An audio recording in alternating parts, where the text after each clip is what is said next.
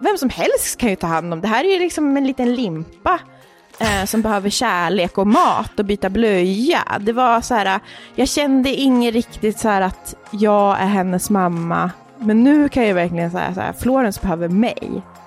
Vad ska jag vara nöjd med? Är fem år bra? Om jag får leva fem Mm. år till, jo men, då kan, jo men det kan jag vara nöjd med. Då har jag ändå hunnit med mycket. Alltså man tänker tillbaka och så, så tillåter jag mig själv att tycka synd om mig själv. För jag vet inte om jag gjorde det då. För då var det så himla mycket, hela du vet att det var så mycket överlevnad. När Linnea Holm och hennes kille Johan flyttade till Toronto var allt frid och fröjd. De älskade sitt nya liv i Kanada och var så redo att bli föräldrar. Men halvvägs in i graviditeten drabbades Linnea av bröstcancer och mellan cellgiftsbehandlingarna föddes dottern Florence. Den första tiden som nybliven mamma blev minst sagt kämpig. Idag är familjen tillbaka i Sverige och väntar ett lilla syskon. Hur känner Nea inför att bli tvåbarnsmamma under helt andra förhållanden och vilken typ av mamma är man under och efter en cancerresa? Det och varför Nea tycker att tre och ett halvt år är en underbar ålder på barn får du snart höra här i mamma-intervjun och jag, jag heter Lisa Näs.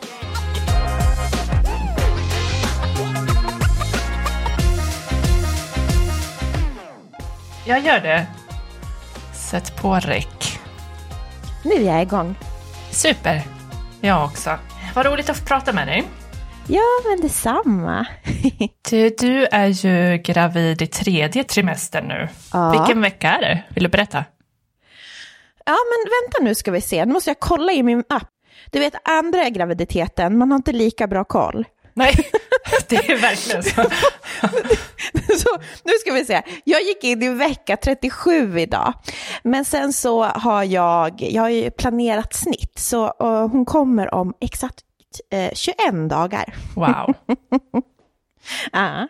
Vad händer annars i, i ditt liv just nu? Ja, men alltså väldigt mycket och väldigt lite. jag försöker nu ta det väldigt lugnt och bara njuta av de här sista veckorna. Men, eh, så att jag har inte så mycket på agendan förutom podden. Men sen så, vi ska också flytta till ett nytt hus, Mm, bara några, en vecka efter att bebisen har kommit. Så Ja. att det, är, det är mycket tankar på det också. Ja, jag förstår. Vad är det för hus då? Vill du berätta någonting? Ja, vi har köpt ett, det är ett parhus som ligger i eh, Danderyd, Enebyberg. Så ja, men det känns jättebra. Det känns som ett bra första steg att se om det här med hus är någonting för oss. Det är en liten trädgård, det vi har en liten eh, altan och så vidare. Men ja, vi får, det känns jätte, jättebra. Jag är så redo för att bara kunna öppna upp och låta barnen springa ut, att det inte är Mm. som projekt hela tiden och ta sig ut ur lägenheten. Nej. Vilken våning har ni bott på nu? Nu bor vi på tolfte våningen, vi har ju hiss. Okej, det är tur. det är inte så synd om oss, men det är mer bara det här att man alltid måste packa vagnen, eh, tusen grejer som ska med. Ja, jag vet inte, jag är så trött på det. Ja, jag förstår. Det kommer bli jätteskönt. Och så kan bebisen bara liksom sova utanför dörren. Ja, om hen vill sova i vagnen. Alltså, Ja, nej men alltså 100 procent. Jag tycker att, alltså du vet, det är ju sådana saker man har som målbild. ja. att det ska bli ett litet enklare liv. Man, eh, man, har ju, man förändrar ju det där hela tiden. Man trodde ju att man ville bo i stan för alltid. Ja. Och sen så får man barn och så, så ångrar man sig. Så blir man sådär förutsägbar som man inte trodde att man var kanske. som man inte skulle bli. Nej. Ja, exakt. Men du, eh, förutom den här lilla bebisen som ska komma då, vill du berätta vilka som ingår i din familj som du ska flytta till det här huset med? Ja. ja, men det är ju min sambo Johan och så är det våran eh, dotter Florence som är lite äldre än tre och ett halvt år gammal. Så det är vi, och så blir det ju då också lilla syster som kommer nu som flyttar in i huset. Så vi, vi blir ju en familj på fyra. Mm. Och det blir en lilla syster. Mysigt. Ja, Har ni bestämt namn? ja, Blanche ska hon heta. Åh. Fint. Blanche och Florence, gud vad gulligt. Blanche och Florence, ja, jag tycker det passar väldigt bra ihop. Jag är väldigt nöjd med, med mina Ja. namnval. Toppen. Och ni har kunnat komma överens om det också? Ja, men alltså faktiskt, det var lite så här, Florens, det har vi alltid, alltså vi har bara haft det namnet alltid sedan vi blev tillsammans för hundra år sedan. Det är ett mm. släktnamn på Johans sida. Mm. Och då var det lite som att det var han som bestämde det, så han sa att den här gången får du bestämma, jag kommer bara, jag kommer bara glida med. Mm. så han hade inte så mycket att säga till om, men jag tror att han är ganska nöjd. Mm. Du gör ju podcasten Surret med Hanna Persson, med Hanna Pi. Hanna Pi. Mm. Ni har väl kört, kört på nu typ ett och ett halvt år va?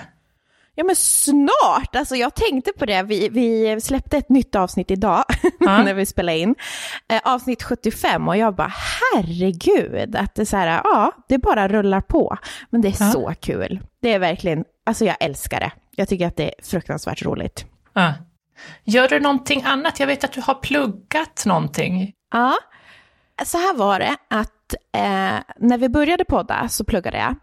Men det, alltså jag kände liksom, jag hade också, min dotter hade inte ens börjat förskolan då, så jag hade, var hemma med henne, pluggade och poddade. Och då kände jag så här, nej men det här är inte värt det, att stressa ut sig. Och då var det så kul, det som var roligast var ju podden. Mm. Så då så valde jag att eh, alltså ta uppehåll från studierna. Och nu rullar det ju på så bra att vara sin egen. Jag, jag, jag liksom jobbar ju med, att, ja, men, med podden och sen så gör jag ju influencersamarbeten på Instagram. Mm. Och den, alltså att få styra över sin egen tid på det här sättet, det, det är ett sånt otroligt privilegium. Och jag skulle absolut, jag tror att många är så här, wow vad mycket tid du har, varför, varför gör du inte bara ännu mer? Men jag tycker att det är just den här tiden som är den största lyxen. Mm. Att få liksom, ja, få styra över sin egen tid och inte hela tiden bara jäkta till nästa sak och ha tusen bollar i luften. Jag mm. njuter mm. verkligen av att ha det som jag har det nu. Så att mm. jag tänker bara passa på. Och framförallt nu när man har små barn och så, att eh, nej, det är en dröm skulle jag säga. Mm. Vad härligt. När jag mejlade dig och frågade om, om jag fick intervjua dig i den här podden så sa ju du, ja, jag älskar att prata moderskap. Ja. Vad är det med det som du älskar? Mm, jag tror att jag har nog alltid varit intresserad av moderskap, även fast jag inte hade barn, alltså hade några barn själv. Men sen när jag själv fick, alltså när jag själv fick min dotter, så insåg jag också att alla, liksom, man känner ju alltid igen sig lite i andras historier, men ändå så är liksom mitt moderskap, det är inte så att jag, det är exakt likadant som någon annans. Och då har jag också insett hur viktigt det är att dela med sig av sina liksom erfarenheter av att bli förälder och vad man har känt och vad man går igenom. För det är så mycket andra faktorer som påverkar eh, liksom, hur den här tiden blir med, med barn. Och därför så tror jag att jag älskar att prata om det, både för att så här, få vidga, jag vet inte, bilden av, av det här moderskapet och att få barn. Och att få lyssna på mm. andras historier. Mm. Du, den här gången när ni ska få barn så är ju du på en lite annan plats i livet än vad du var första gången. Mm. Eh, då bodde du och Johan i Toronto yes. på grund av hans jobb, eller hur? Ja, det stämmer jättebra. Och så fick du, du fick en cancerdiagnos mitt i graviditeten. Ja. Och jag tänkte vi ska komma in på det där lite också. Du har ju pratat om det också i er podd och mm. sådär. Uh, skulle gärna vilja höra lite om Toronto-tiden också. Ja. Hur var det? Och bo där. Ja men det var fantastiskt, alltså det är en fantastisk stad. Även fast, jag brukar ofta säga det, även fast jag hade cancer och eh, också sen blev det ju en pandemi och till skillnad från Sverige så var det ju verkligen lockdown där borta. Vi var inlåsta, mm. jag sa det till Johan senast och jag bara gud, kollade igenom bilder. Och så bara när vi började gå in där i mars, vad blir det nu, 2000 20, ja 2020 blir det ju. Ja, just det. Tänk mm. om vi hade vetat att vi skulle vara inlåsta liksom ett år här. Oh. Tänk om man hade vetat det då. Gud, ja. Man såg så naiv ut på bilderna. Ja. men, nej, men det är verkligen en, ändå så här, en sån otrolig fantastisk eh, tid i mitt liv. Erfarenhetsmässigt och göra den där flytten tillsammans med Johan. alltså jättekul för relationen. Mm. På vilket sätt? Ja men att det, var, det bara var bara han och jag. Ja. Men Vi lämnade ett ganska så här hektiskt liv i, i Stockholm när man är uppbokad varje helg med någonting. Det är AVs mitt i veckan, kompisar, familj som ska, man ska träffa. Eh, och så åker man, flyttar man bara, han och jag, till en stad på andra sidan Atlanten där man inte känner någon. Och så var det bara han och jag och inga som störde. Mm. Och det kan väl gå två håll då kanske, men jag tror all, alltså, gud vi hade så kul, vi har aldrig haft så roligt tillsammans. Gud vad härligt. Alltså, ja nej men verkligen, vi kom varandra ännu närmare och också där sen under pandemin, det var bara han och jag och Florens och Ja. det var aldrig ett problem. Nej. Så det var både en så här, otroligt fin tid i relationen, men också upplevelsemässigt. Det var liksom full pott att få Ja. flytta. Men han hade ju liksom ett jobb antar jag som han kom till och började med. Vad pysslade du med? Vet du, jag behövde inte göra någonting. Så kanske var därför, det är ju också en sån mardröm som många har. Men jag var liksom hemma och njöt så mycket av det och var otroligt mycket ensam. Mm. Eh, det var ju också så, alltid när man flyttar någonstans så bara, ja men jag har en kompis där, så jag fick ju lite så kontakter och men jag tyckte det var så skönt att bara vara själv. Jag kollade ut, vet så här, ja det här museet vill jag eh, kolla in, så åkte jag dit, kollade alla områden som var lät spännande, liksom tog hand om mig själv, tränade, lagade mat, började odla grejer. Mm. Gud vad mysigt. Ja men det var, det var verkligen alltså, urmysigt. Det är inte kanske för alla, men jag tyckte Ja. det var underbart. Ja. Eh, och sen så blev jag ju gravid och sen blev jag sjuk. Hur länge hade ni bott där innan du blev gravid?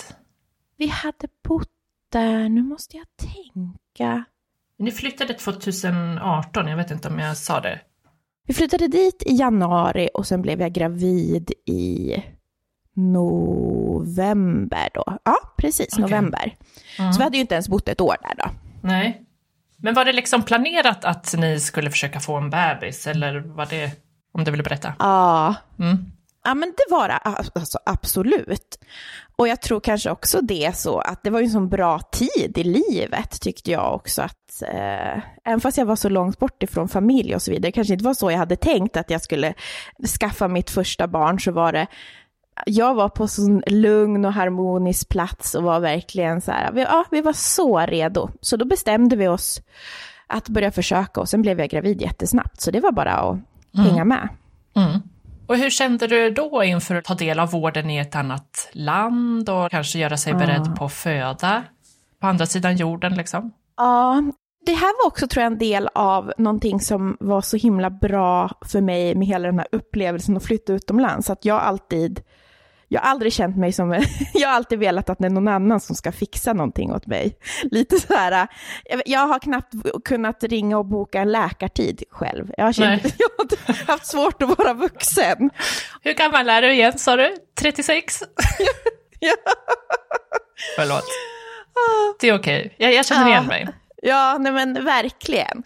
Och så var det så då att förutom att jag skulle göra alla de här sakerna så skulle jag också göra det på ett annat språk i ett annat land. Ja. Och det var så viktigt för mitt så här, självförtroende. Ja.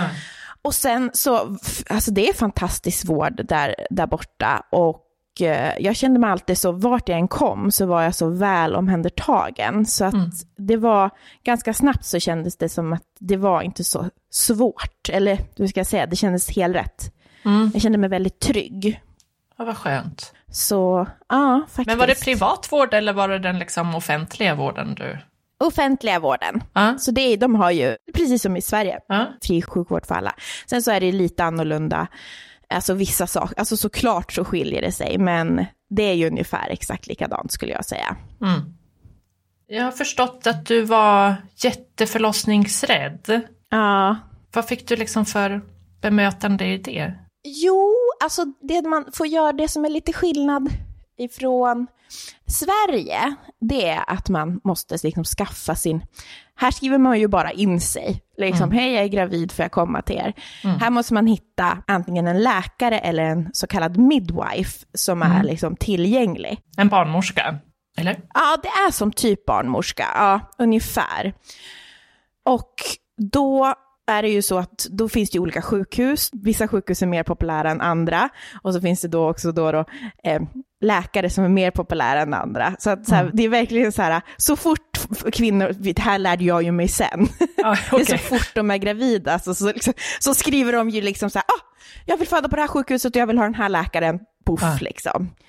Så det var ju så här, jag fick ju ringa runt i hur många som helst innan jag fick liksom plats eh, hos någon. Men då är det också då som sagt att man har ju, kan välja mellan att ha, välja en läkare eller en midwife. Och midwife är liksom, det har, det har blivit väldigt hippt att ha i Toronto, för det är liksom, de står kanske för en mer, lite mer naturliga sättet att föda barn på. Medan om man går till en läkare så är det lite mer kliniskt. Och för mig var det självklart att säga, jag vill ha en läkare. Ja. jag, vill, jag, vill, jag, jag vill inte ha något, liksom, jag vill vara bara, jag vill vara ett sterilt rum typ.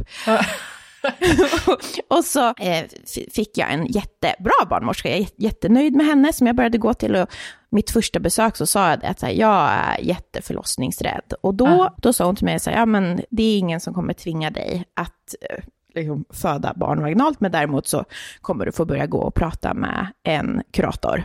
Eh, vi börjar alltid liksom Ah. den vägen, ungefär som jag har förstått att det är i Sverige också. Mm. Och så, ja, så började vi så. Och sen så hann jag ju inte gå så, alltså, till henne så mycket förrän jag fick min bröstcancerdiagnos. Mm.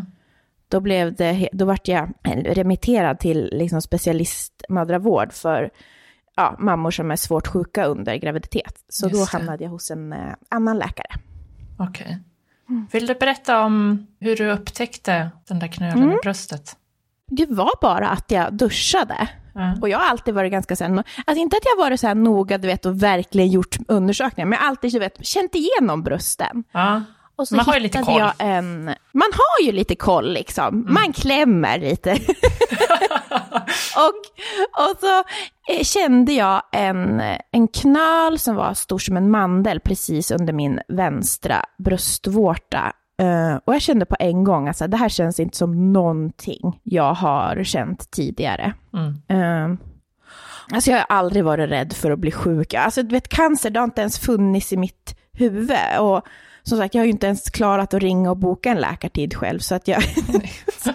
det var så jag är så chockad att jag tog tag i det så snabbt. Jag kände Okej. den där knölen så kände jag, alltså du vet magkänslan sa bara du måste kolla upp den där. Ja. Och kanske för att jag var gravid också, så att vara så här, jag vill inte gå och tänka på det där. Jag vill ju vara i min graviditet. Jag vill Ja. bara utesluta att den här knölen inte är någonting. För vilken vecka var du då i? Jag tror att jag var i vecka 21 kanske, eller något sånt. Mm. Och då går man precis som det är lite nästan i Sverige ofta, att man först går till vårdcentralen för att sen få en remiss då Mm. till eh, ett bröstcentrum. Och så gick jag till min husläkare i Toronto. Och så hon var ju så här, nej men det här är ingenting. Det här är 100% graviditetsrelaterat. Men jag kommer ändå skicka en remiss. Men jag kommer sätta den som icke brådskande. Så Okej. liksom, du kommer kanske få höra om en månad ungefär. Mm. Att ja, men då kommer de höra av sig. Och om de inte hör av sig så ring dem och kolla vad som har hänt. Alltså det var väldigt sådär, det var inte, det var inte så här, du måste åka in på en gång. Nej. Men hur kändes det att hon liksom hade den eh, inställningen? Ja, men nu i efterhand så vet jag ju att sådär, sådär får man ju absolut inte säga. Alltså, eh, många unga kvinnor som får bröstcancer får ju precis det där bemötandet. Och jag hade ju tur som i alla fall fick en remiss. Många blir ju bara så här, det där är ingenting. För Ah. att sen upptäcka, ja men, år, några år senare att det var absolut någonting. Och då kanske cancern till och med har spridit sig. Vilket är ju så här för prognosen en katastrof. Eh, men från det där eh, läkarbesöket, för jag är också väldigt sådär, ah, okej då, ja men det blir jättebra. Och så när jag sa det till min eh, kille Johan så sa han så här, nej, vet du, du ska inte behöva gå och vänta en månad för att få reda på vad den här knölen är för någonting. Han bara, mm. vart skickade de remissen? Och så ringde han till bröstcentret och sa, mm. Min, min tjej är gravid, hon har hittat en knöl, hon måste få komma in nu. Och då, där var de så här, men självklart. Okej, okay, vad skönt. Ja, jag vet. Det är så, så otroligt liksom, att det blev så. Och så, jag kommer ihåg att jag var hos min läkare på kanske torsdag eller fredag och så fick jag komma in till bröstcentret som var på ett kvinnosjukhus där eh, på måndagen redan. Mm. Och då fick jag först träffa en läkare, så kände igenom mina bröst. Och jag märkte på en gång att hon var så här, det här måste vi kolla liksom på en gång. Mm. Man får ju inte göra mammografi, eller helst inte mammografi när man är gravid på grund av strålning. Så det blev ju ah, ett okay. ultraljud. Och så gjorde de också en biopsi mm. samtidigt. När de tar liksom ett prov inifrån bröstet? Precis, då tar de mm. ju liksom en sån, då blir det som en väldigt sån tjock nål. Ah. Så de går in då och på där man har knölen för att ta celler för att se vad det är för någonting. Mm. Och när jag skulle lämna så bokade de in mig på ett liksom ett möte redan veckan efter. Och då kände jag så här, det är ju någonting. Mm. Och jag kommer ihåg att min kille satt och väntade och jobbade nere i kafeterian. Så när jag kom ner dit så bara, du vet, bröt man ihop. Det hade ju också gjort så här, biopsin gör jätteont. Jag hade du vet, någon så här oh. isbandage över, vad heter det, uh. över brösten. Alltså det var så chock, chockartat allting. Uh. Och sen åkte vi hem och sen så är man ju ändå så här, äh, det är förmodligen ingenting. Alltså man tror ju inte, även fast så här, ja nu har man ju tagit det här testet så var det ändå att vi, vi levde väl på som vanligt. Mm. Och så skulle vi tillbaka veckan efter. Och då så sa vi så här, efter vi har varit där så åker vi och köper vagnen till bebisen och firar mm. att det inte har varit någonting. Ja. och så kom vi dit och så kommer jag ihåg att så fort läkaren kom in i rummet så, så var hon så här, jag såg på henne att hon var väldigt ledsen. Och att hon bara, det finns inget bra sätt att säga det här på, jag kommer säga det på en gång, vi har ja. hittat cancerceller. Och då mm. svimmar Johan bara, alltså det var... För att då han bara föll ihop? Nej, han var tvungen att lägga sig på en brits. Han sa, nu svimmar jag, sa han. Och då, då, då sa de, så du får lägga dig på den här britsen. Så han låg avsvimmad på en brits och jag satt bara och stirrade på en stol typ. Men de sa det bara, it happens all the time. är det sant? ja, men jag tror också att det är, i hans värld så fanns inte att det här skulle hända. Medan när man är den som kanske ha, alltså, en, jag hade kanske bearbetat det lite, även fast jag absolut inte kunde förbereda mig på hur det skulle kännas. Så, så var det ändå så här, det kan ju fortfarande vara någonting. Mm. Och sen så bara regnar det ju information över mm. en eftersom man också är gravid så är det ju en massa faktorer, alltså det är ju det är massa beslut som ska tas. Det är ju både onkologin, alltså vilken medicinering man ska få, det är vilken kirurgi och så är det ju också ta hänsyn till hur ska vi planera allt det här utifrån barnet i mm. magen. Och det enda vi visste var ju att jag hade cancer. Vi visste inte om den var spridd och vi visste inte vilken typ av bröstcancer var, vad det var. Nej, okay. Så man, är ju, man faller ju bara fritt ja. där då, det enda man vet är ju att man har alltid liksom det där framför sig, att man ska in på röntgen och se så här, ha, har den spridit sig, hur aggressiv är den här cancern? Så vi åkte ju hem och det var bara ja, kolsvart. Det finns ingenting, ingenting kan bli värre än det. Och jag, alltid när jag läser om andra människor som blir sjuka, eller du vet på Instagram, så, så, så påminns jag alltid om att så här, det finns ingenting värre än när man får beskedet, för det är så ovisst. Uh. Man har ingenting och du har inte en behandlingsplan än, du har ingenting att hänga upp dig på. Nej. Så att det var, jag är så stolt att, man, så här, att jag kunde ta mig igenom liksom den veckan efter. Då klarar man vad som helst, så känner jag. Uh. Hur såg det ut då? Vad blev liksom nästa steg? Ofta så gör man, tror jag så jag säger rätt, man gör ju en sån MRI. Uh magnetröntgen. Precis, men man får inte göra det som gravid. Nej. Så istället så, så hemskt, men då fick jag liksom jag, det enda vi inte kunde kolla, det var min alltså hjärna, ifall det var någonting som var spridigt liksom upp där. Men Resten av kroppen fick, så här, och mina inre organ, vi liksom, fick de kolla med ultraljud och det tar ju jättelång tid. Så jag fick ju liksom ligga på en brits i en timme när de sakta liksom gick igenom kroppen bit för bit för bit. Och det var ju alltså sån tortyr. Och så du vet när man känner att när de stannade upp på vissa ställen och kollade extra noga och Ja. ja, det var helt, ja, det var fruktansvärt. Eh, men sen så visade det sig att de såg ju ingen spridning. Inte till några lymfkörtlar heller. För de, man kan ju aldrig riktigt veta förrän man har opererat bort dem vid en operation. Men de trodde att det bara var just den här tumören då, som jag Mm. hade hittat. Så det var ju goda nyheter. Okej. Eh, Men sen så var det ju all, väldigt läskigt, för hade ju, vi hade ju inte kunnat kolla att eh, hjärnan, och inte skelettet heller, kunde man inte heller kolla. Okej, nej. Så det fanns ju alltid det lite som var överhängande. Så varje gång man fick ont någonstans, man hade lite huvudvärk eller ont i kroppen, så var man ju, fanns det ju alltid en rädsla av att, så här, att det skulle vara metastaser. Så det var ju, var ju väldigt läskigt. Mm. Och sen så visade det sig också att jag hade väldigt, min cancer var jätteaggressiv, vilket den ofta är på unga människor, men att den Okej. växte jätte, jättesnabbt. Ja. Ehm, så, så de ville, först var det så här, vi måste operera bort den på en gång, Ja. och sen så bestämde man sig för visade sig att så här, nej men det ska vi inte alls göra, vi kommer börja med cellgifterna nästa vecka.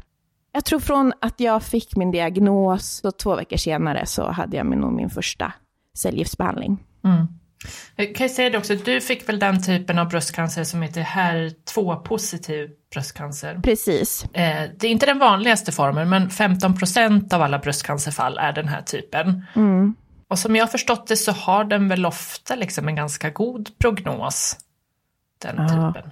Nu har den ju det, för att det- kom ju liksom ett sånt medicinskt genombrott för kanske, vet inte, 15 år sedan kanske. Mm. Innan var det ju riktigt dålig prognos. Okej. Men det, det, det, det, säger ju också så mycket hur viktigt det är med forskningen. Mm. För att den är ju jätteaggressiv, men den har väldigt många olika sätt att alltså, behandla. Det finns väldigt många olika typer av mediciner som man kan prova. Eh, så om det inte är en väg som funkar så finns det ju alltid andra behandlingsvägar. Och det är ju Mm. precis så som man vill ha det när man ja, får en cancerdiagnos, att det ska finnas behandlingsalternativ. Mm. Förutom att du inte kunde genomgå vissa sådana röntgengrejer som man vanligtvis gör om man inte är gravid. Vad fick du annars veta om liksom hur du skulle behandlas? Hur var det med barnet i magen eller hur tar man hänsyn till det? Ja, det är ju sjukt att, att tänka att man kan få cellgifter. Alltså, man förgiftar ju kroppen och att man kan göra det samtidigt som man har en bebis i magen. Men Mm. det är ju fullt, tydligen fullt möjligt. Ja. Så det blev ju efter att de hade haft och möte om just mitt specifika fall så fick jag ju en väldigt tydlig behandlingsplan att så här, jag skulle gå på mina, börja min cellgiftsbehandling och sen så skulle jag få ta som ett litet uppehåll så kroppen fick återhämta sig Mm. och sen så skulle barnet förlösas i vecka 36 Okej. för att allt skulle matcha med behandlingen och sen Mm. om allt då var bra så skulle jag fortsätta cellgiftsbehandlingen en vecka efter förlossningen. Mm. Så det var det som var planen. Så det fanns ju alltid, jag tror jag hade tre kurer cellgifter innan jag fick mitt lilla uppehåll och sen så föddes Florens. Mm. Hur var de där sista veckorna av graviditeten under behandlingen? Ja. Alltså jag blev så otroligt... ehm, det, det är så svårt, för att jag var... När jag väl hade tagit mig igenom den här första så här, mörka perioden, när allt var så ovisst, och när jag väl fick veta att så här, det är, med största sannolikhet finns det ingen spridning och det här är din behandlingsplan, så blev jag väldigt behandlingsmotiverad. Alltså jag, jag tror inte att jag grinade, liksom grät en enda gång sen, utan då var jag bara så här, nu ska jag vara jättepositiv, jag kommer klara det här. Så att jag var som ett litet, alltså tuffande tåg som bara körde på. Mm. Och nu så här i efterhand så tror jag att just graviditeten och allt det där, alltså det blev väldigt sekundärt. Det var väldigt mycket att bara bocka av alla de här medicinska sakerna hela tiden. Ja. In och ta blodprov, in liksom så här, må dåligt, överleva dagarna efter cellgiftsbehandlingarna och sen så var man liksom, precis när man har börjat bra igen, ja då ska man tillbaka. Man går på massa kortison som gör att man blir jättekonstig och speedad och sover ingenting. Mm. Så det var en väldigt så här, jag mådde inte så dåligt, men jag tror också att så här, jag körde bara på. Jag kände nog inte efter så himla mycket faktiskt. Jag ville Nej. bara få allt det här gjort. Mm. Det skulle bara bockas av. Mm. Under den här tiden då, vad tänkte du då om liksom dina framtidsutsikter? Mm. Jag tror att jag, de här första veckorna när saker var väldigt ovisst och så, då var jag tvungen att tänka på allt. Du vet, man tänker på döden. Och jag, jag kommer ihåg att mycket som jag tänkte på då, jag läste så mycket så prognoser, så här, vad händer om jag har spridd cancer, hur länge får jag leva då? Mm. Så det var mycket tankar som var, vad ska jag vara nöjd med? Är fem år bra? Om jag får leva fem år till, jo men, då kan, jo men det kan jag vara nöjd med. Då har jag ändå hunnit med mycket. Jag tänkte väldigt mycket på döden och så landade jag i en- den otroligt simpla tanken att så här, det är ingen som vet när de ska dö. Nej. Alltså, det låter så himla platt, men det var där jag, jag kan gå ut på gatan och bli påkörd, så kände jag. jag, jag, jag alltså, Mm. Idag andas jag. Alltså, jag, det var ofta den tanken jag återkom till när jag började tänka sådana mörka tankar, så här, men jag andas ju just nu. Jag lever ju nu, så Mm. att jag måste ju, det är det som är det viktigaste. Kunde du och- Johan liksom prata om det där eller pågick det mer i ditt inre? Ja, men det kunde vi absolut göra. Det som kanske var mellan oss som var sen, jag hade väldigt efteråt, jag hatade när han gjorde så långsiktiga planer. Mm. Du vet, man sitter och äter och så pratar, helt plötsligt så ser han någonting och så bara, ja men så här vill jag ha det när vi är pensionärer. Och då Mm. kunde jag bli så otroligt kränkt, för jag så här, "Vem- är det som säger att man får, får bli pensionär? Du vet, så jag kände mig påhoppad. Ehm, att jag tyckte att han var liksom tanklös, men för han var det så självklart att jag skulle bli frisk igen, medan jag, vilket jag också nu lever från, så här, det är ingen självklarhet att få bli gammal. För att när man också är sjuk och träffar andra sjuka så får man träffa så många unga som faktiskt dör. Så Mm. att jag ser inte som en... Jag är nästan så här, nu när jag tittar på så folk i medelåldern, jag bara, vad har ni gått igenom ett helt liv utan att vara sjuka? Åh. Jag vet inte, det är... Det har verkligen ändrat min syn på så mycket.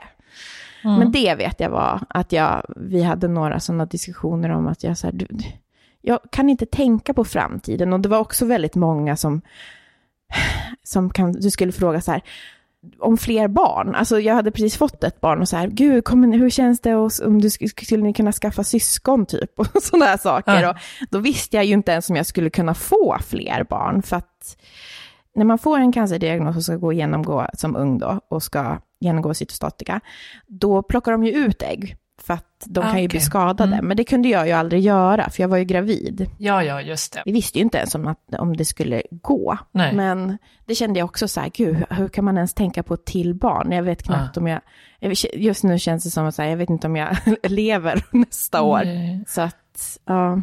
Men då, om, vi, om vi backar tillbaka lite där slutet av graviditeten. Florens i magen, var det okej med henne? Ja, hon var ju väldigt övervakad. Alltså jag var ju på ultraljud, från att jag började min behandling så var jag ju på ultraljud en gång i veckan. Ja. fram tills att hon föddes. Och allt var ju jättebra, hon växte ju som hon skulle. Och sen så är man ju såklart orolig liksom på vilket sätt, hon, om hon, att hon skulle påverkas på något sätt. Mm. Men alltså det var så kon- det var också en sån bara en känsla att jag var aldrig orolig över Florens i magen. För det var, det var väldigt så här, många som sa det inom vården. Så, ah, vi förstår. Allt du tänker på är bara barnet i magen. Och jag var så här, nej, jag, nej. jag tänker på mig själv. jag tänker att jag vill inte dö. Och jag känner att det här barnet, alltså jag bara kände att att hon skulle klara sig. Ja. Jag vet inte. Det var, eh, det var, alltså jag hade inte ens en tanke på att något skulle hända henne. Det låter jätte, jättekonstigt. Men det var inte där mina tankar var. Nej. Nej, men det var väl Inte skönt alls. det i alla fall. Du har väl tillräckligt att tänka på liksom. Ja, Då- ja, det tycker jag också. Vilket skick var du i då? Då hade du genomgått några cellgiftsbehandlingar när hon föddes då med kejsarsnitt. Mm. Får se, vad var det här då? Eh, vilket år är vi på? Ja, det var i juli 2000, 2019. Juli 2019. Vilket skick var du i då när hon kom? då var jag fortfarande väldigt fräsch. Men jag tror också att jag hade var, det var sånt otrolig milstolpe den här förlossningen. Mm. Alltså jag skulle säga att jag var så otroligt fräsch och stark innan hon kom.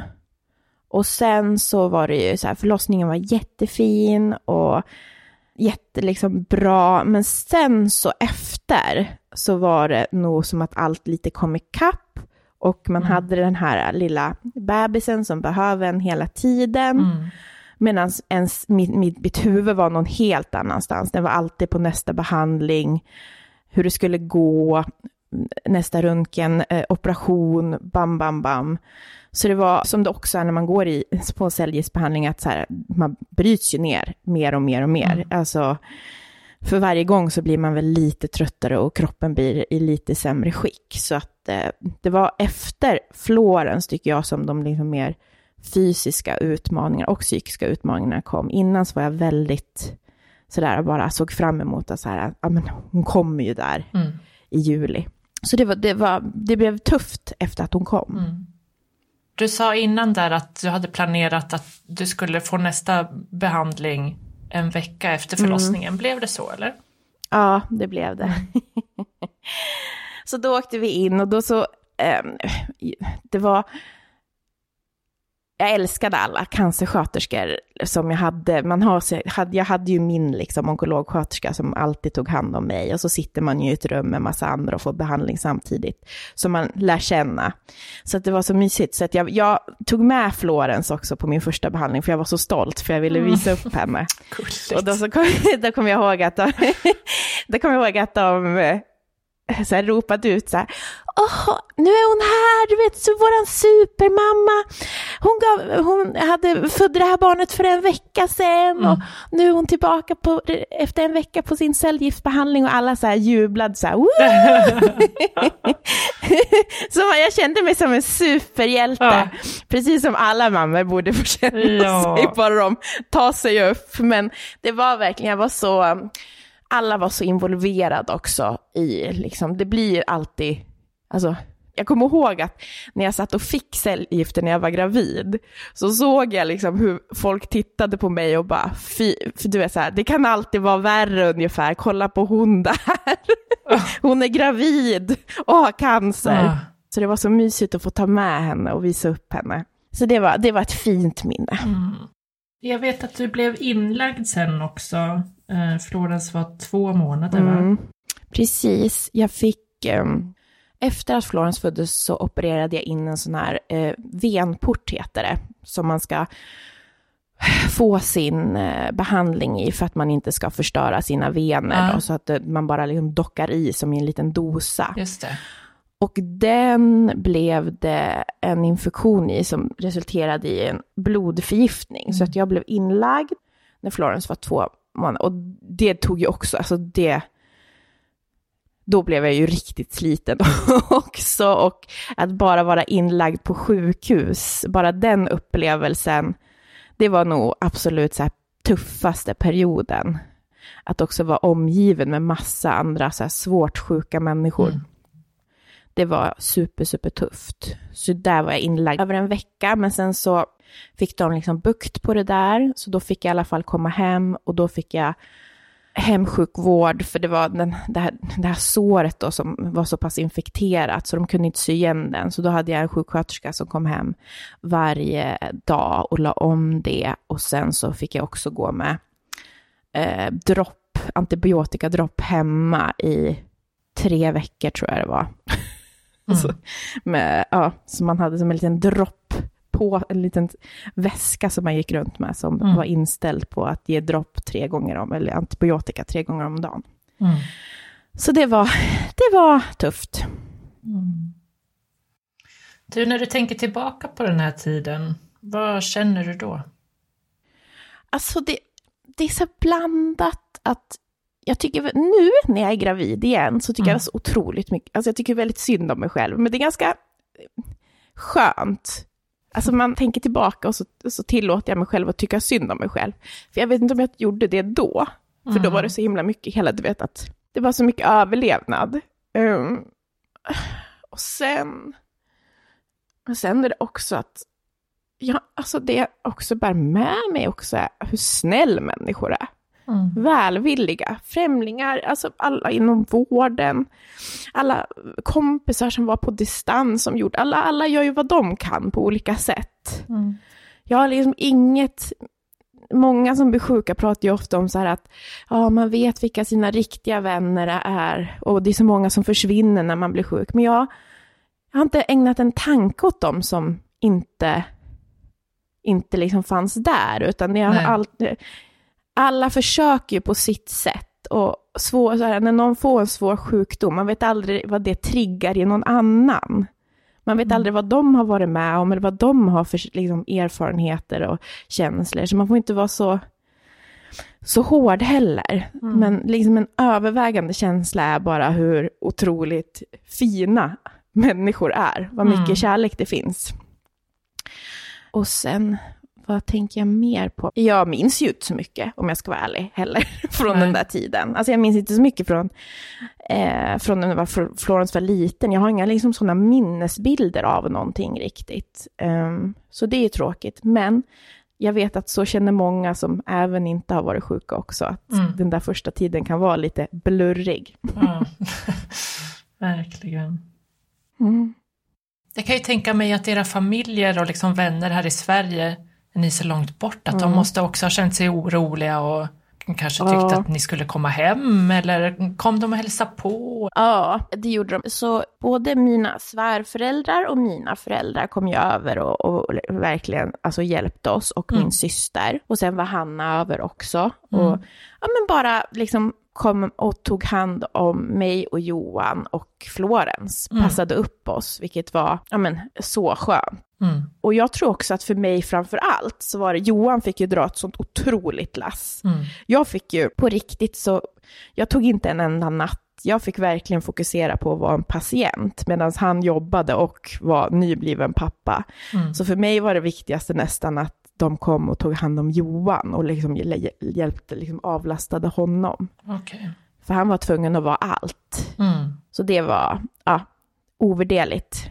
Och också, om jag ska få säga, väldigt fint. Eh, för det är inte så ofta som ens liksom, nära får vara så, får ta del av en nyfödd sådär och mata och ta nätter. Det är ju Mm. liksom någonting som oftast bara är eh, liksom, exklusivt för föräldrarna på något sätt. Men nu fick ju Mm. alla som, som, som stod liksom Florens nära fick verkligen så här, ta hand om henne. Mm. Och jag tyckte att det var så otroligt fint. Så det är också någonting som jag bär med mig som någonting fint som kom ut ur det. Mm. Mm. Hur såg det ut sen då, liksom första halvåret? Hur gick det liksom med behandlingarna och så? Alltså det var väldigt mycket bara så här överlevnad, så här, okej, här kommer någon och hjälper oss, här är vi själva.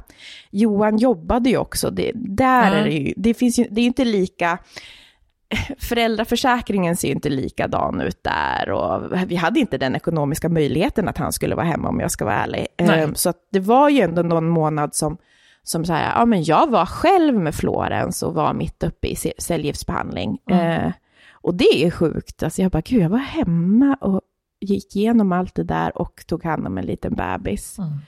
Det var ju inte så njutningsfullt, eller vad man ska säga. Var det någon som sa till dig, njut nu? Ja, njut av det. det här, den här Klassisk. tiden är bara en gång. Ja, ja.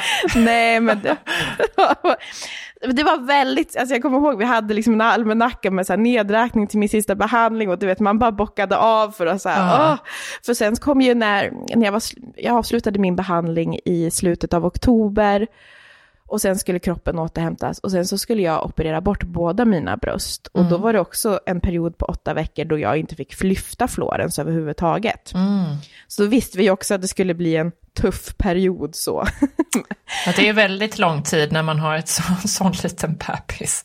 Ett spädbarn ja, Ja. ja, alltså det var ju jättehemskt. Men gud, hur gör Ehm. man ens om han jobbar?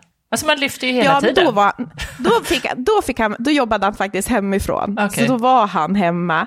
Och sen så var först mina föräldrar kom över, tror jag var där två veckor. Sen Mm. kom Johans föräldrar över och så var de där också. Under, de- ja, men vi hade i alla fall hjälp i kanske fem veckor. Okej. Mm. Eh, så, så, så, det funkade ju. Eh, men det var också så hemskt sen, för Florence eh, lärde sig krypa under den här tiden. Mm. Och så kommer jag ihåg att när Johan skulle tillbaka på jobbet första gången, då liksom kröp hon mot dörren och grät för så här, lämna mig inte med den här äh, kvinnan som inte, som inte har lyft upp mig ungefär som på tagit två månader. Nej, som inte har tagit mig på två månader. Vem är hon ungefär? Det var så oh. fruktansvärt. Ja. Men det gick ju bra. Men det var en sån sorglig bild. Och hon bara, varför lämnar du mig? Lillen. Ja. Okej, okay, och sen opererade du bort båda brösten. Var det liksom mm. något som de rekommenderade eller kunde du, ja. hade du något val där? Uh, jag hade ett val, men alla, alla rekommenderade att jag skulle göra det, för jag bar på en mutation som heter check 2. Uh, uh, så min risk för att få liksom, kan, en ny cancer i det andra bröstet var så pass stor att de så här, jag kommer ihåg när de la fram procent, liksom procenten så var det lite så här, ja men det är över 50 procents risk att du ska få en till cancer. Ah. Och, jag, och så, men det, det är ju såklart ditt val hur du vill göra, för att man kan också behålla bröstet och, och liksom gå på mycket tätare kontroller. Och jag var så här, va? Nej, alltså ta bort dem. Ah. Eh, det där hade jag bearbetat. Jag skulle ju redan ta bort det, liksom det, det sjuka bröstet. Mm. Så för mig var det så här, ja men ta bort båda. Mm. Och då så kom jag ihåg att den läkaren sa så här, ja, jag skulle ha gjort samma. jag hade gjort exakt likadant. Så att det mm. var ju, det känns som ett rätt beslut. Och det var, det var, alltså just det här att ta bort brösten för mig, det var inte alls jobbigt. Det var väldigt skönt att få det gjort. Det var slutet, liksom, det kändes som ett väldigt så här, bra, skönt steg att få bort skiten. Mm. Och sen efter operationen då, då kunde de se att alla cancerceller var borta. Mm. Hur liksom följer man upp då kontakten med vården? Förutom att jag var sån HER2-positiv så eh, var ju min cancer också östrogenkänslig. Så jag skulle ju också börja på att äta medicin efter okay. min behandling var klar. Och sen så jag går ju på kontroller en gång om året. Mm. Och det var det, så var det i Kanada och så är det också här i Sverige. Då gör man ju en mammografi och ultraljud. Man säger ju inte att man blir frisk, i alla fall inte med min cancer, utan man säger att man är cancerfri. Mm. Och det är för att, så här, även fast så här, ja men alla har ju olika prognos på återfallsrisk och så vidare, men den är ändå så pass, alltså framförallt med sån östrogenkänslig cancer så, så kan alltså du få ett återfall 20 år senare. Så man kan inte säga att man är mm. frisk. Okay. Det är kanske också en sån sak som när man själv inte har varit sjuk har lite svårt att mm. förstå. Att många tror ju att, att man är frisk så är man frisk, nu får du gå vidare i ditt liv ungefär. Men mm. rädslan för återfall är ju så otroligt stor. Oavsett tror jag hur bra liksom, för förutsättning man, man har så är man ju jätterädd. Men du skulle kunna få ett återfall fast du har opererat bort brösten? Mm. Även om risken är mindre nu eller? Ja, det är ju så här, de kan ju, för det första kan de ju inte få bort all bröstvävnad, det går liksom mm. inte. Nej. Men om jag skulle få ett återfall så är det ju mycket större risk att det faktiskt skulle handla om en, alltså en, alltså en cancercell då som har brutit sig lös, lös från den tumören och blivit en metastas någonstans. Eh, det är ofta så ett återfall ser ut, att man ja, får spridd bröstcancer. Då. Och då mm. finns det ju inget, det finns det ju inget riktigt botemedel mot, utan då är det ju att då hamnar man ju i att man ska behandlas ja, hela livet då, tills man... Ja, okay. ja, vi får hoppas att du inte behöver uppleva mer av det där. Nej. Men eh, hur länge var ni kvar i Kanada innan ni flyttade hem igen? Vi flyttade hem, efter tre år flyttade vi hem. Ja, det var ganska länge ni var där ändå. Det var det. Eh, och då var det ju, då hade vi också varit i pandemin där ett år också, så det, då var vi ganska, det var skönt att komma hem till Sverige, även fast jag tyckte att det var väldigt tråkigt att lämna Toronto, så var det skönt att få komma hem till och kunna träffa, liksom, socialisera. Och Florence hade ju också börjat bli större och jag ville ju att hon skulle få liksom nära relation till mormor och morfar och farmor och farfar och mostrar och fastrar och så vidare. Så det, var, det kändes som Mm. ett så här, familjebeslut. Men om, det hade varit ett egoistiskt beslut, då hade jag gärna stannat. Mm. Men hann hon börja på förskola där borta eller var hon bara hemma? Nej, hon var hemma för att, Mm. eh, ja, det var ju pandemi, så det fann, var ingen förskola. Nej, det var stängt. Det var stängt. Ja, sjuk tid. Vi hade ju lite samma, jag bor ju i Portugal, så det var ju också så himla konstig tid. Oh, ja, ni, bodde, nu. ni bodde där då, eh, under Ja. pandemin? Ja, men. Där var det väl också total lockdown? Ja, ja. Hur gamla är dina barn då? Tre och fem har de precis fyllt. Så Ah. ja, treåringen föddes ju i januari och sen så var det liksom lockdown från, ja, Ja, men. typ mars stängde väl förskolan. Ja. Så stora barnet var ju hemma och man bara fick ju inte ens gå på stranden liksom. Nej, alltså de satte kedjor på lekparkerna. Eh, det Ja, ja, var, här också. Alltså, man fick inte sätta sig ner i gräset i en park. Det var... Nej, nej men alltså det är, så, det, är- det, det är så sjukt att man har varit med om det. Och jag tycker också att jag har glömt Ja. det så väldigt snabbt. Alltså jag har förträngt det, verkligen. Nej det var riktigt sjukt. Och jag tror också, då hade ju du ändå lite mindre barn, men i många så bekanta, eller bara som jag träffade sen när de väl öppnade upp lekparkerna, eh, som hemskolade sina barn. Alltså, de där, alltså man hade sitt eget jobb och hemskolade.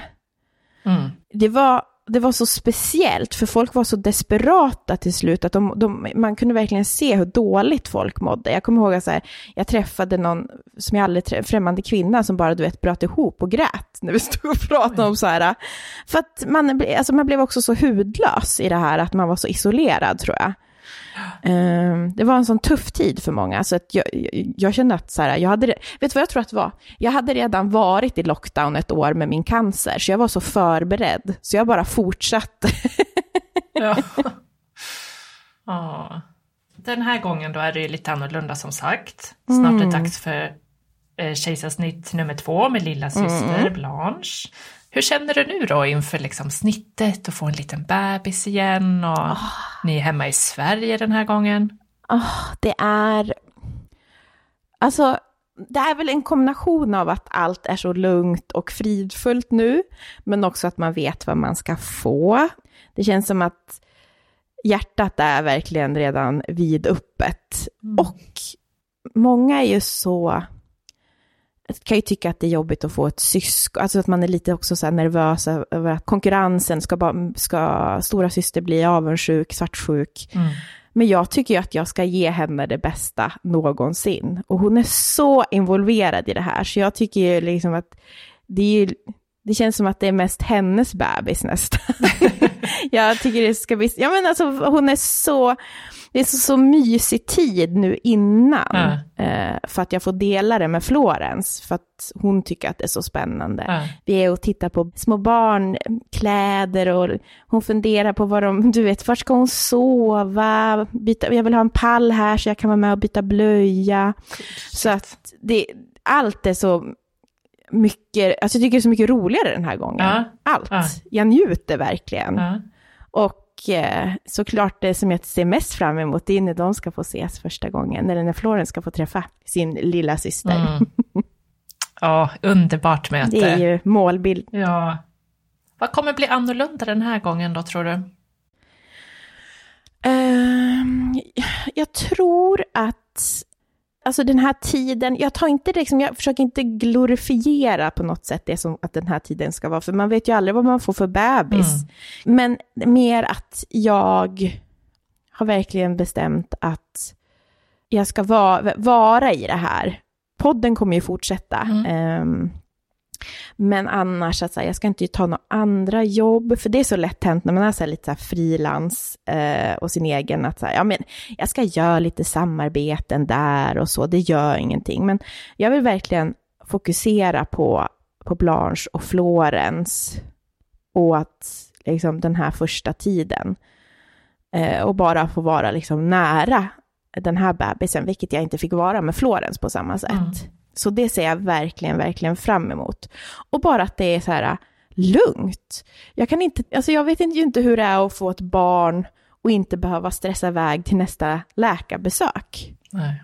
Det var bara ett pussel för oss hela, hela tiden. Mm. Och det ska bli så roligt att få se hur det är att inte få barn på det sättet. Åh, verkligen. Mm. Men nu när du ser tillbaka då, du har ju varit mamma i tre och ett halvt år lite mer. Snart är du tvåbarnsmamma. Hur Mm. var det för dig att bli mamma i allt det här som ni har gått igenom?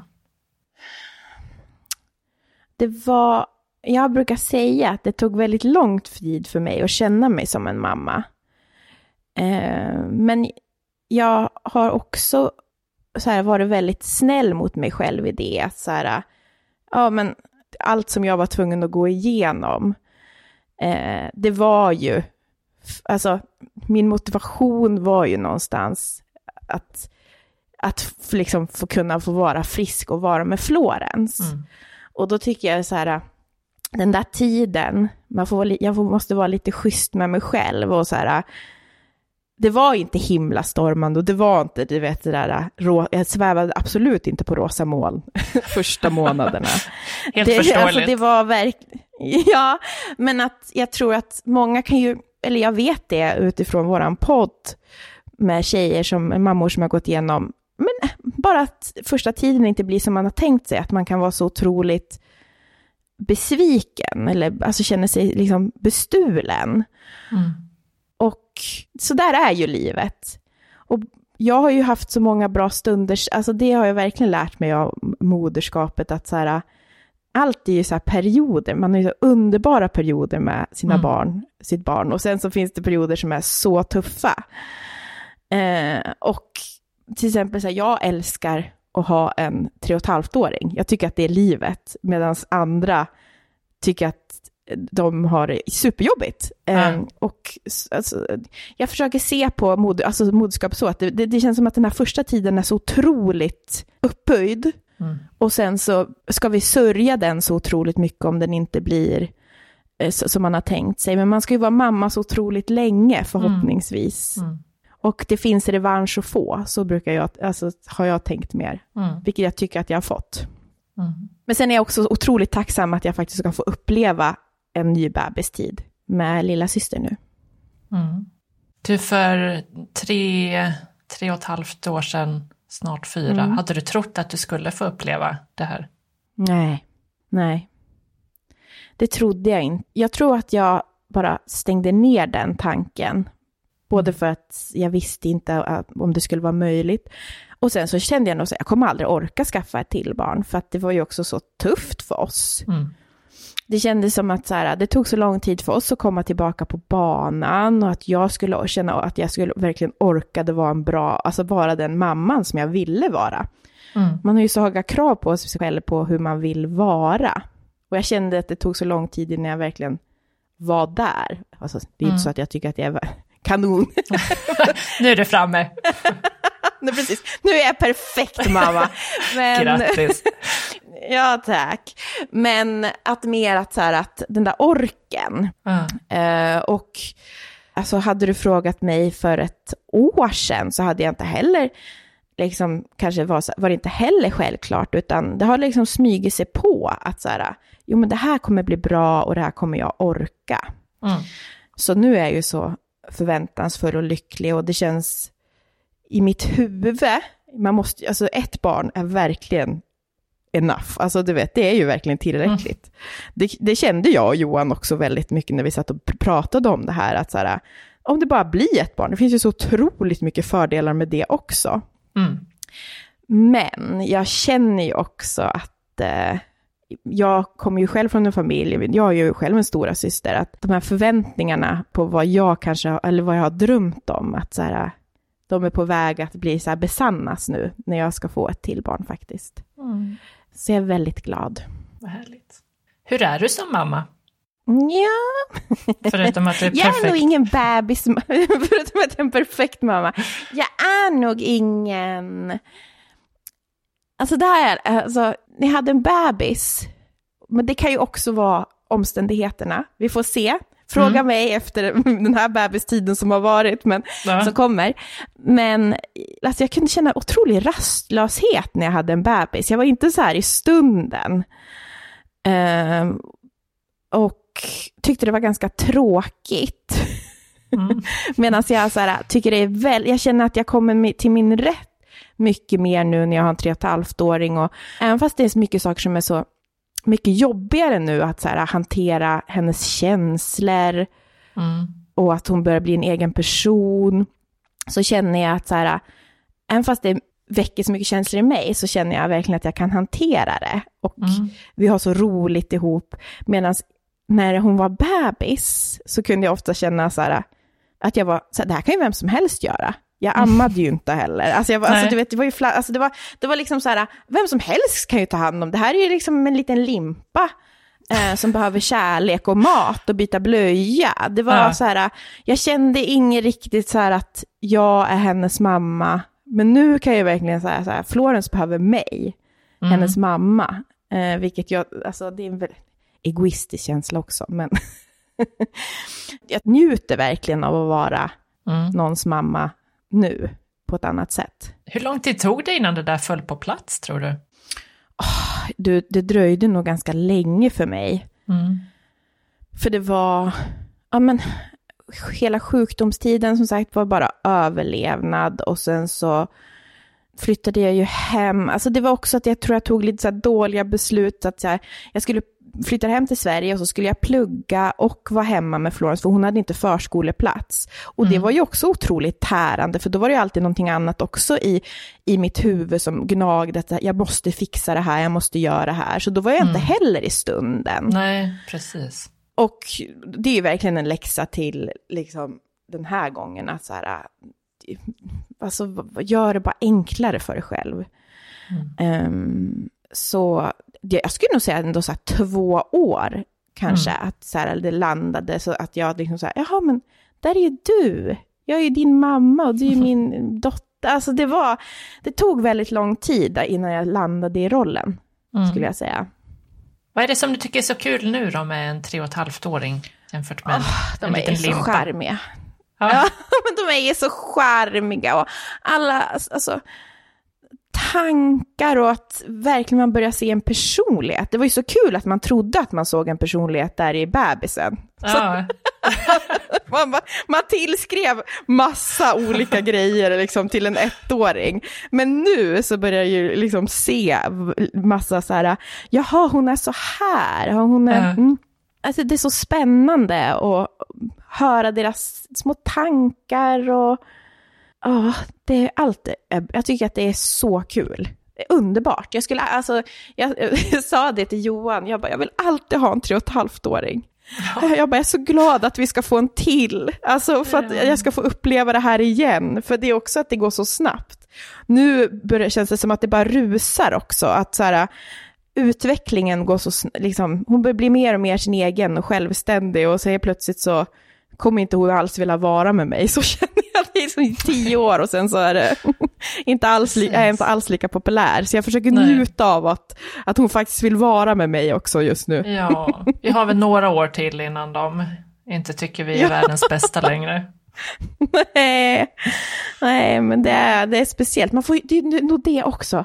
Man blir otroligt bekräftad av en tre och ett halvt-åring. Ja. Det är väldigt mycket så här kärleksfulla ord och Alltså du vet, ah, ja, det är underbart. Ja, det är fint, det har du rätt i. Mm. Vi ska ta och runda av det här, men jag skulle vilja fråga också, hur tror du att du hade varit som mamma om du inte hade behövt gå igenom den här cancerresan? Mm. Ja, så svår fråga. Jag har faktiskt inte jag tycker det är så svårt att veta vad som är omständigheterna och vad som är jag. Eh, när man, alltså att gå igenom ett sånt här trauma samtidigt som att bli mamma, så jag tycker att det, jag har ingen aning faktiskt vad som är eh, så här, jag och vad som är eh, det som jag var med om. Men mm. däremot som jag brukar tänka att jag fick så mycket viktiga erfarenheter som jag har med mig som mamma, som jag är glad för. Um, så att jag tänker i det långa loppet så kanske jag kanske blev en bättre mamma av att, att jag blev sjuk. Jag kanske inte var den bästa mamman då, men sen, alltså nu kanske jag kommer kunna vara det liksom, till mina flickor. Mm. Men det är en svår fråga, jag har tänkt på det själv och jag vet inte riktigt. Nej. Det spelar egentligen ingen roll heller, för det var ju... Nej, det gör det ju inte. Det var ju så blev. det blev. Precis, exakt så tänker jag. Och du var väl ändå den bästa mamman som du kunde vara ja, då? Ja, men så, precis. Jag tror också att det var... Ibland så... Jag fick ju ofta höra det också av vården. Alltså, jag fick ju så mycket stöd. Mm. Att, så, jag tror att sådana, alltså, det där behöver ju alla mammor höra. Fast jag tror inte alla får höra det. Vilket då menar du? Nej men att just att man är ju, utifrån den situationen man är i, så är man ju alltid den bästa mamman. Mm. Och jag, de fick ju ofta mig att känna mig som att jag var världens bästa mamma. Mm, vad fint. Och det behöver ju alla få känna. Men jag mm. tror att så här, det, det, är så tydligt då att man säger, åh du är så duktig, du, du blir mamma samtidigt som att du får cancer. Men alla behöver ju få höra det där att så här, du gör ju så gott du kan. Mm. Så är det nog. Du, Jättefint att få mm. prata med dig Linnea. Tack för att du ville vara med i mammaintervjun. Och stort lycka till, nya bebisen och allt som ni har framför er. Tack snälla. Ja, alltså vilket härligt möte med Nea. Jag tyckte verkligen att det var super. Hoppas att du också gillade det här avsnittet och om du gjorde det, glöm inte att prenumerera och ge den här podcasten några stjärnor i appen där du lyssnar. Jag gör det här jobbet helt ensam och uppskattar verkligen allt stöd och all spridning som jag kan få. Följ gärna mammaintervjun på Instagram också och tipsa dina kompisar som borde lyssna. Tusen tack, vi hörs!